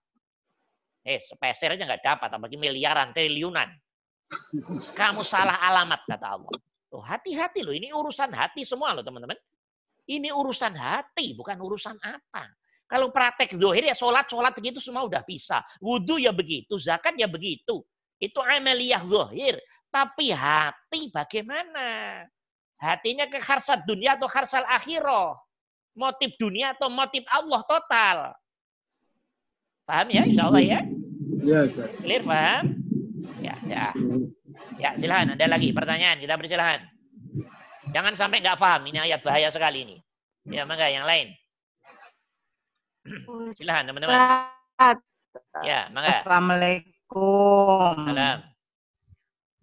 Bu Asri, suaranya agak dikecilin. Assalamualaikum. Oh, Bu Asri. Ustaz. Ya, Waalaikumsalam. Suaranya Kan di, baru dikecilin. tahu Pak. yang ini Pak Ustaz. Oh, Ya, oke, oke. kalau dikecilin. Ya, baik, baik, Hmm. baik. Pak Ustaz, eh, kan udah nih Pak Ustaz, udah dikecilin. Pak Ya udah, udah. kan udah baru enak, udah tahu enak. sekarang nih seperti Udah itu. Terus jadi yang sekarang, lalu-lalu ya. kan baru tahu nih sekarang seperti itu harus Dulu dulu dunia. akhirat gitu. Iya. Yang lalu-lalunya bagaimana dong Pak Ustaz? Ya. Hmm, Ya, nangis ya, deh Pak Ustaz. dah. Begini teman-teman. Itulah namanya era jahiliyahmu. Paham? Itu era Ya. jahiliyah kita. Bagaimana yang benar? Telepon Allah langsung aja ya. Iya. Kalau secara idealisme ilmiah Bu Asri ya tetap ya dimakfu dikit-dikit lah oleh Allah ya. dimakfu dikit-dikit lah oleh Allah. Ya, mudah-mudahan kita mendapat rahmatnya oleh Allah, rahmat Allah, fadl Allah. Amin. Itulah maka arti tauhid itu kan kejernian total Allah. Itulah arti tauhid itu. Ya Allah, ini orang Islam nih mohon maaf, kadang banyak yang nggak paham yang begini-begini nih. Babak belur bener nih kalau nggak paham. Bagaimana masa lalu kita Ustadz? Masa lalu yang sifatnya kebodohan, yang sifatnya kecerobohan, dan tidak ada unsur kesengajaan untuk itu. Itu. Tapi kan sebetulnya kan bukan harus dari ayat ini. Kan Bu Astri udah ngerti de- keterangan dari Ustadz sono sini, dari sana sini tentang makna lillahi ta'ala karena Allah.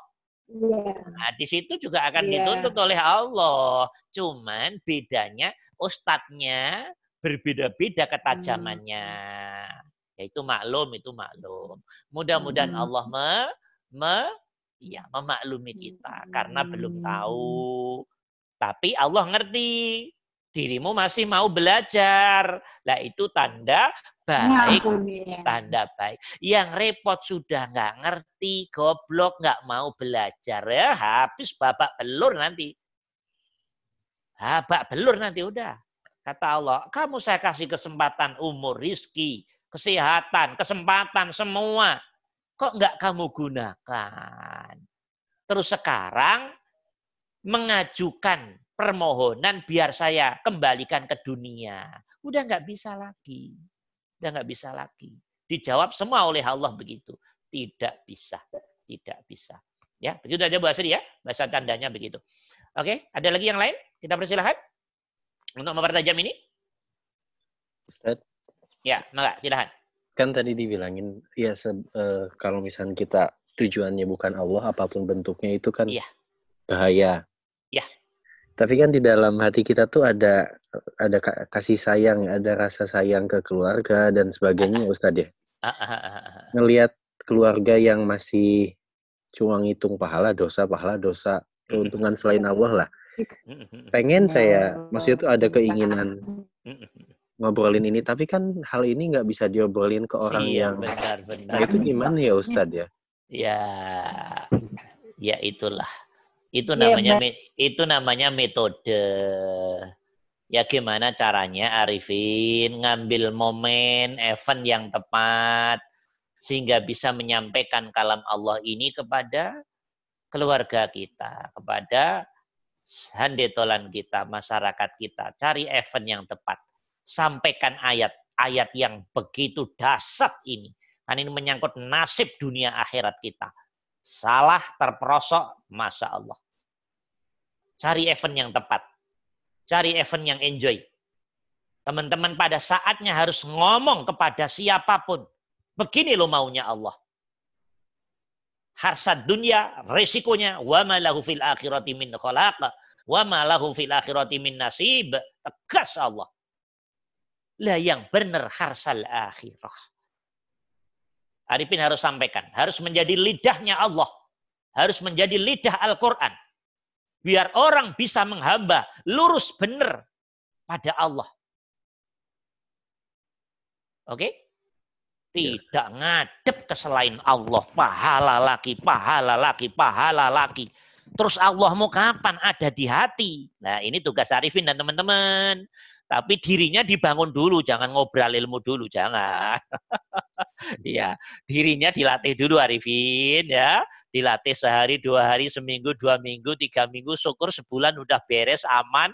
Atau setahun aman, Nah, pasti nanti didorong juga oleh Allah. Sampaikan ke keluargamu, sampaikan ke umatmu bahwa harus begini sejatinya. Nah, cari event yang tepat. Cari waktu yang enjoy. Harus siap menjadi lidahnya Allah. Penyambung kalamnya Allah kepada siapa pun. Biar orang bisa bertauhid total. Total ke Allah. Tidak ada kemusyrikan tidak ada perselingkuhan hati pada selain Allah. Hubungannya dengan Allah ini. Dah harsad dunia au harsal akhirah. Itu Arifin ya? Ya. Dah. Oke, ada lagi yang lain mungkin?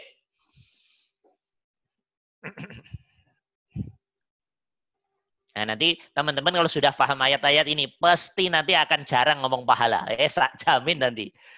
Ya, biasanya kan di, oh ya pahalanya banyak ya itu mak ya Allah kok baru sampai itu aja ya Allah. Sudah nggak waktunya sudah nggak waktunya lagi. Sekarang tak Allah tak Allah tak Allah. Harsal akhirah harsal akhirah harsal akhirah. Hatinya harus begitu. Biar cepet-cepet sampai Allah. Gitu loh ya. Panjang Ustaz. Ya silakan Pak Bro. Aduh. Anak saya datang.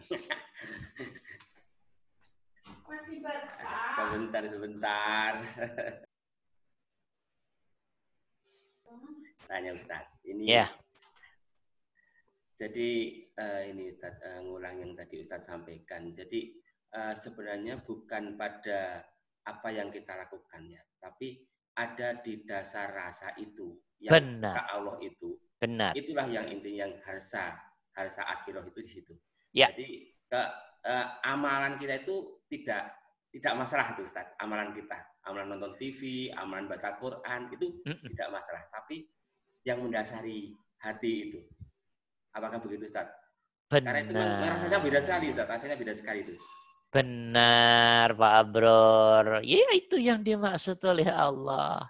Itu yang dimaksud oleh Rasul. Allah itu nggak ngelihat potongan-potongan ente, tampilan dohir ente, aktivitas dohir ente secara hakiki. Secara hakiki yang dilihat Allah keadaan hatimu bersamaan aktivitasmu. Paham apa enggak?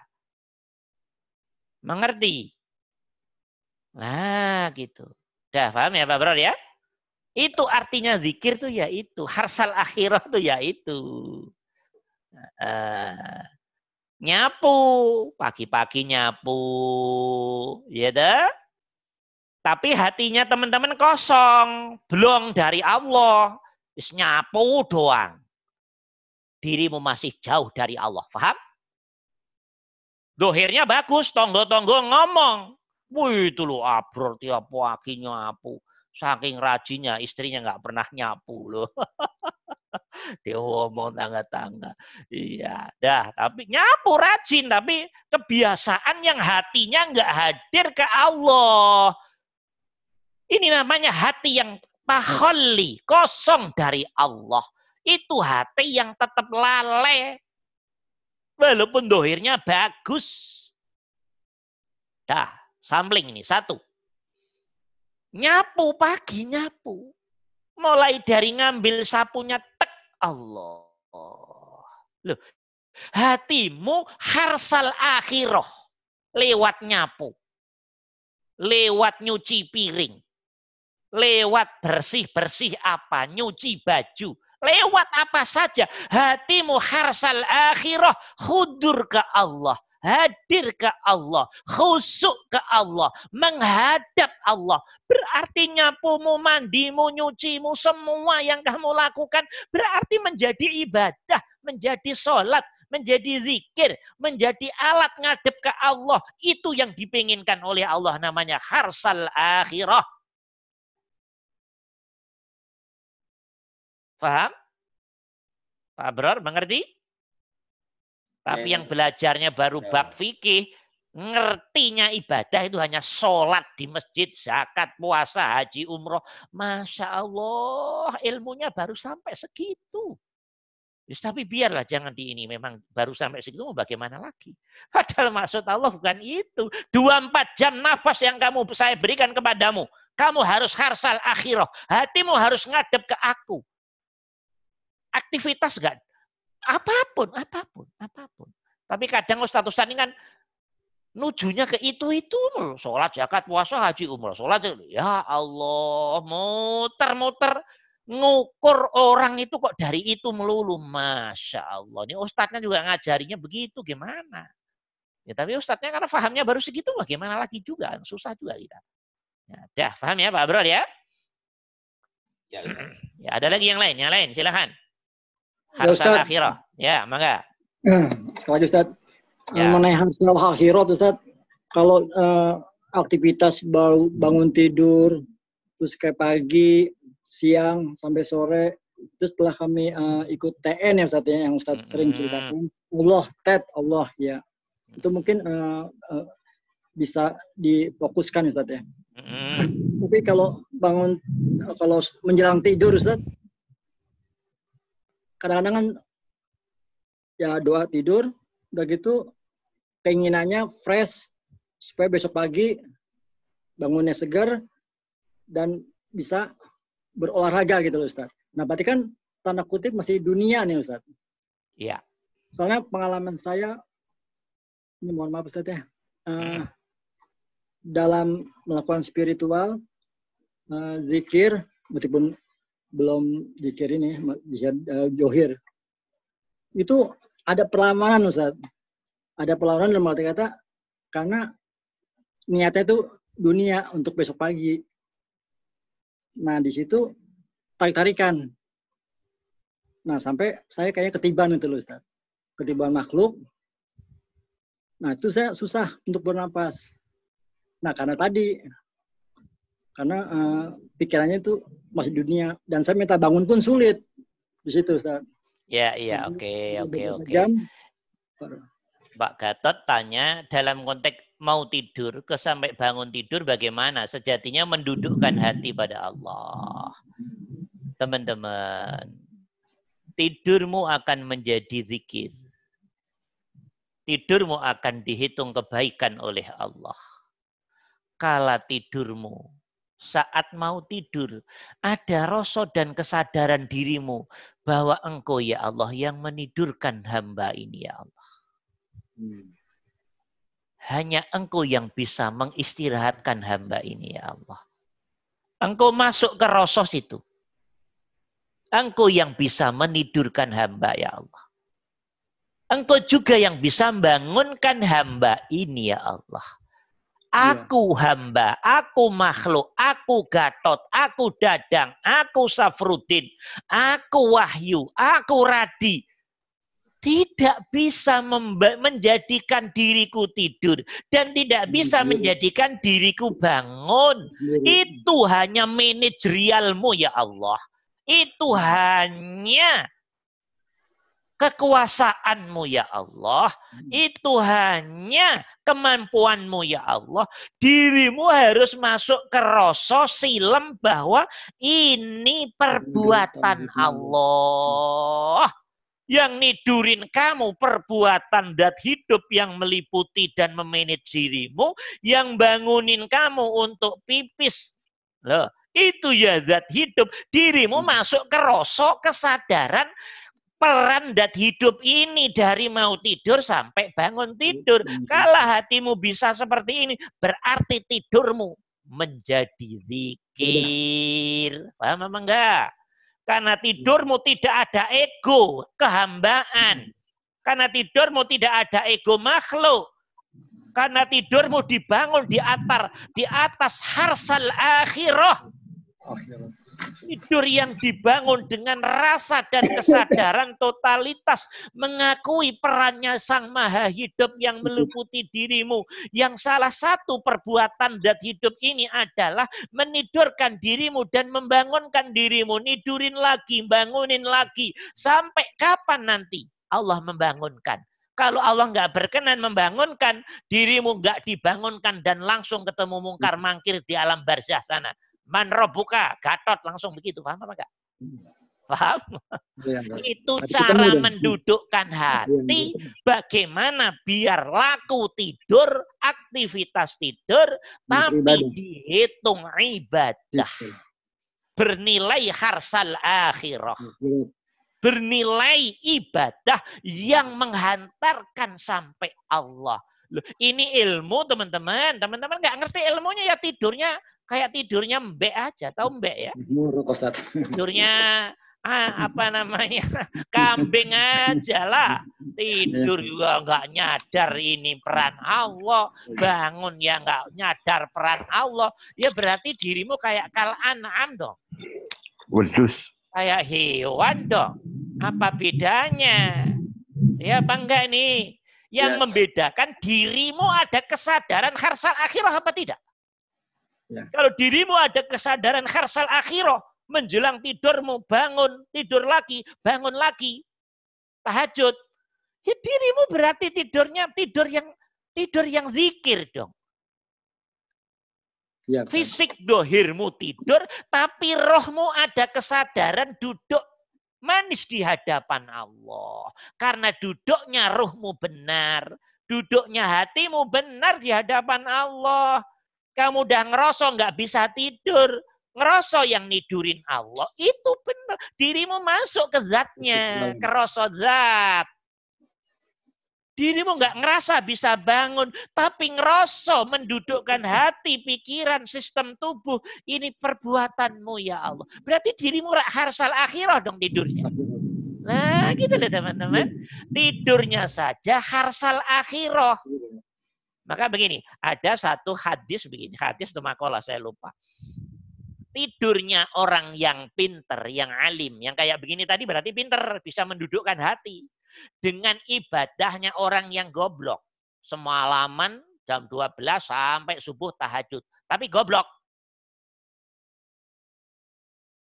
Dengan tidurnya orang yang alim tadi, eh, lebih baik jauh dengan tidurnya orang alim tadi. Tahajud tapi sombong kok hatinya harsa dunia kok. Paham apa enggak? Tahajud, tahajud tapi harsa dunia. Gue bisa bangun sendiri. Gue bisa tahajud sendiri. Masya Allah sombongnya setengah mati ini orang. Kapan dirimu sujud pada Allah? Kapan dirimu ngakui pada kehebatan Allah? Bahwa tidurnya dirimu karena manajerialnya Allah. Bahwa bangunnya dirimu adalah efek perannya Allah, manajerialnya Allah. Bahwa tahajudnya dirimu karena hakikatnya rahmat Allah. Efek rahmat, efek fadl, efek hidayah, efek taufik, efek inayah. Kapan hatimu duduk di situ? Gede kepala banget, kowe tahajud. Ya Allah, berarti walaupun tahajud tetap masih masuk kategori harsat dunia. Paham apa enggak? Tahajud-tahajud. Tapi harsat dunia di mata Allah. Kata Allah, egomu masih setinggi langit, kata Allah. Dirimu masih mengagumi dirimu sendiri. Artinya, walaupun kamu kelihatannya secara fisik menghadap aku, tapi sejatinya kamu baru sampai dirimu sendiri, belum kelak ke aku Allah. Paham apa enggak? Gitu Pak Gadot. Berarti itu masih dihitung harsat dunia. Kalau belum ada rasa dan kesadaran mendudukkan ke Allah, masuk ke zona latifah robaniyahnya Allah itu tadi. Faham ya insya Allah? Faham ya Pak tadi ya? Paham? Paham? Paham? Pak Gatot?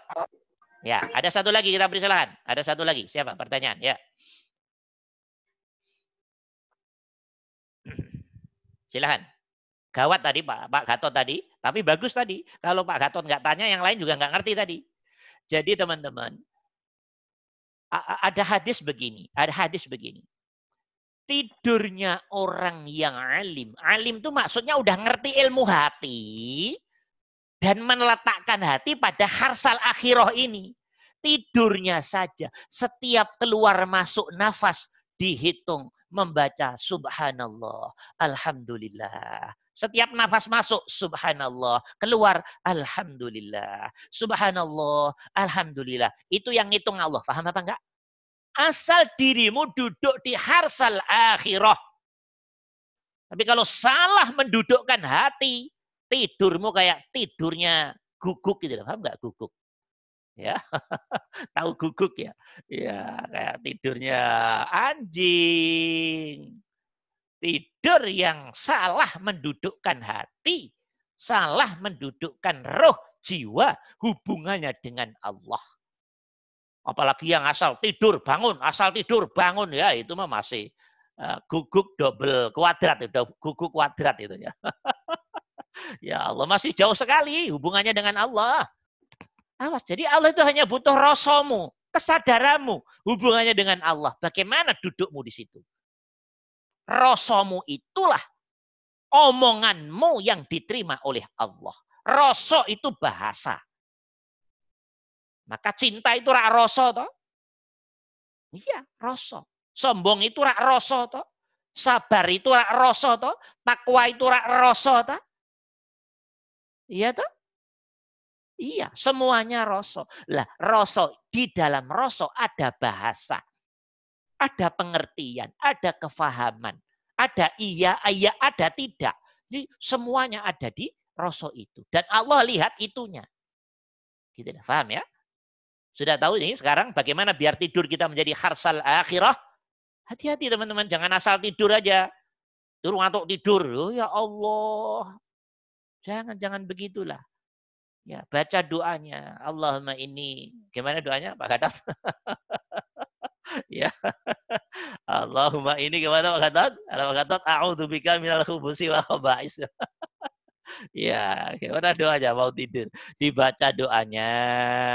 Setelah doa dibaca itu maksudnya hudurnya hatimu ke Allah. Setelah itu alam rasa sadar hatimu menanamkan hati, dudukkan hati tentang harsal akhirah dari perbuatan tidur itu. Bahwa tidur itu sejatinya kendalinya Allah. Ya, gitu ya. Paham ya teman-teman ya? Insya Allah paham. Satu lagi terakhir, silahkan ya. Siapa yang bertanya? Nanti ayat bawahnya lebih gawat lagi teman-teman. Ayat bawahnya lebih gawat lagi. Jadi ayat bawahnya ngasih informasi ke kita bahwa ternyata kata Allah dirimu banyak ditipu oleh setan. Banyak ditipu oleh setan oleh nafsu yang di situ nih nanti ayatnya nih menarik sekali ini jadi eh, apa namanya bawahnya lagi ya ayat bawahnya lagi. Jadi dirimu itu ditipu oleh nafsu dengan bayang-bayang dengan keinginan-keinginan dengan ah dah. Itu semua sebetulnya perbuatan setan. Cuman karena hatinya belum benar duduk di Allah ah nggak ngerti kalau ini nih nafsu ini setan ini iblis. Nah ini nih, ayat yang ini nih Eh, wa mayyattakhid asyaiton waliya min dunillah lah. Eh, barang siapa yang menjadikan setan dari eh, menjadi kekasihnya selain Allah maksudnya dirimu harsat dunia tadi lah. Bayangannya pengen ini itu ini itu wah, dimofkan di dalam dirimu. Padahal itu jebakannya setan. Biar dirimu nggak ngadep ke Allah total kelak hatimu ditarik dengan apalah keinginan-keinginan, target-target, rosok-rosok, bayangan-bayangan, khayalan-khayalan, dibuat banyak move di dalam dirimu. Akhirnya dirimu terlalai, terlena dari Allahnya. Kalau begitu maka dirimu termasuk harsad dunia. Habis di akhirat nanti nggak akan dapat apa-apa. Hati-hati ini, hati-hati. Semuanya hati-hati. Mumpung masih diberi umur oleh Allah. Ya. Oke ya. Ada pertanyaan terakhir? Teman-teman? Assalamualaikum Pak Ustaz. Ya, silakan. Uh, mau, saya Nita Pak mau tanya. Ya, silakan. silakan. Ustaz, uh, kalau saya nggak salah kan kalau kita mau tidur kan kita disunatkan berwudu, sholat witir, terus membaca al-ikhlas tiga kali dan kemudian seperti yang Rasulullah kerjakan meniupkan ke seluruh badan dan diusapkan. Nah, berarti kita tetap mengerjakan itu tapi mendudukkan hati tetap pada Allah berarti ya Pak ya? Iya, kalau itu namanya syariat. Kalau syariat udah final, sudah final, nggak usah diomong lagi. Tapi saya saya luruskan satu tadi saya dengar dari uh, Bunita tadi, uh, witir. Witir sebelum tidur itu dilakukan kalau diri kita khawatir nanti tidak bangun tidur karena kecapean karena hal-hal yang gitu ya. darurat. Nah, kalau jelas insya Allah nanti bangun, ya jangan witir dulu, witirnya nanti, witirnya nanti. Oh, witirnya jadi nanti. setelah tahajud baru witir ya? Benar, witir itu sholat penutup sholat malam. Oke? Okay? Nah, teman-teman okay. yang sholat malam, witirnya ya nanti setelah tahajudnya. Tapi boleh witir di awal sebelum tidur, kata Rasul. Kalau kamu takut nanti tidak bisa bangun karena aneka sebab yang kamu uh, tahu sendiri tentang dirimu, lakukan witir sebelum sebelum tidur. Jadi itu kemudahan dari agama. Nah kalau kita udah insya Allah bangun, ya udah witirnya nanti. Uh, uh. Umama nggak witir Ustaz, yang penting sholat tahajud, ikhlasnya dua rakaat, ya nggak apa-apa. Empat rakaat, nggak apa-apa. Jadi Allah itu hanya pengen tulusnya hatimu. Banyak oh, tapi itu. harsat dunia, nggak pengen Allah. Dua rakaat tapi harsal akhirah. Blek ke Allah. Hmm, ini yang keren itu yang ini. Sepuluh rakaat tapi harsat dunia. Keringet keluarnya. Hmm, ini murahan itu masih. Paham apa enggak? Si murahan itu masih murahan. Jadi Allah tuh nggak ngelihat begitu itunya, ngerti nggak? Nggak ngelihat banyaknya, ngelihat apa? Tapi ngelihat tulusnya hatimu, totalitas hatimu, harsal akhirah atau harsat dun dunia. Itu ya. Hmm. Oke, Bunita. Paham insya Allah Bunita ya? Mbak Dina mau nanya ya, mungkin? Terima kasih, Pak. Perwakilan Bintaro. ya. Di mood moodnya di ini dulu, Mbak Dina. Ya. Hmm, nggak kedengeran ya Pak ya? Oh enggak, sekarang udah sudah kedengeran ya. Udah. Oh nah. ya. Enggak, saya jadi uh, ingin memastikan mungkin uh, artinya supaya kita bisa lurus pada Allah dan me mendapatkan hasil akhirah itu hmm. uh, sepertinya ya memang harus berzikir itu ya Pak ya. Iya, itu salah satunya. Oh, salah satunya. Zikir itu kan salah satunya oh. untuk membangun ketajaman toh, Mbak Dina. Iya, betul. Untuk membangun ketajaman tingkat tinggi yang totalitas itu harus dibantu zikir sirul asror. Hmm. Tapi di luar dikir sirul asror, kan secara syariat kita harus membudayakan, kita harus membiasakan, kita oh. harus berusaha step by step, setiap laku aktivitas kita apa pun harus dimulai dari luar. Loh kan begitu juga oh, toh? Jadi memang ada juga dari kitanya untuk Oh iya, secara itu namanya itu namanya zona syariat. Oh, iya betul. betul. Jadi harus bahasa syariat kan terserah ente. Kalau syariat memang begitu. Iya. Kalau syariat terserah kita. Karena Allah itu bicara pada kita menghargai dari dimensi zohirnya. Iya, betul. Nah, harus dong. Mau ini gimana kita duduin hati? Kalau kita ngomong begini kan berarti ini kita masuk ke zona zona syariat. Ya. Tapi kalau dikejar dari dalam, nggak mungkin kita bisa mendudukkan hati dengan ya. harsal akhirah kalau aslinya nggak ditolong oleh. Allah. Kalau dijawab dari dalam begitu bahasanya.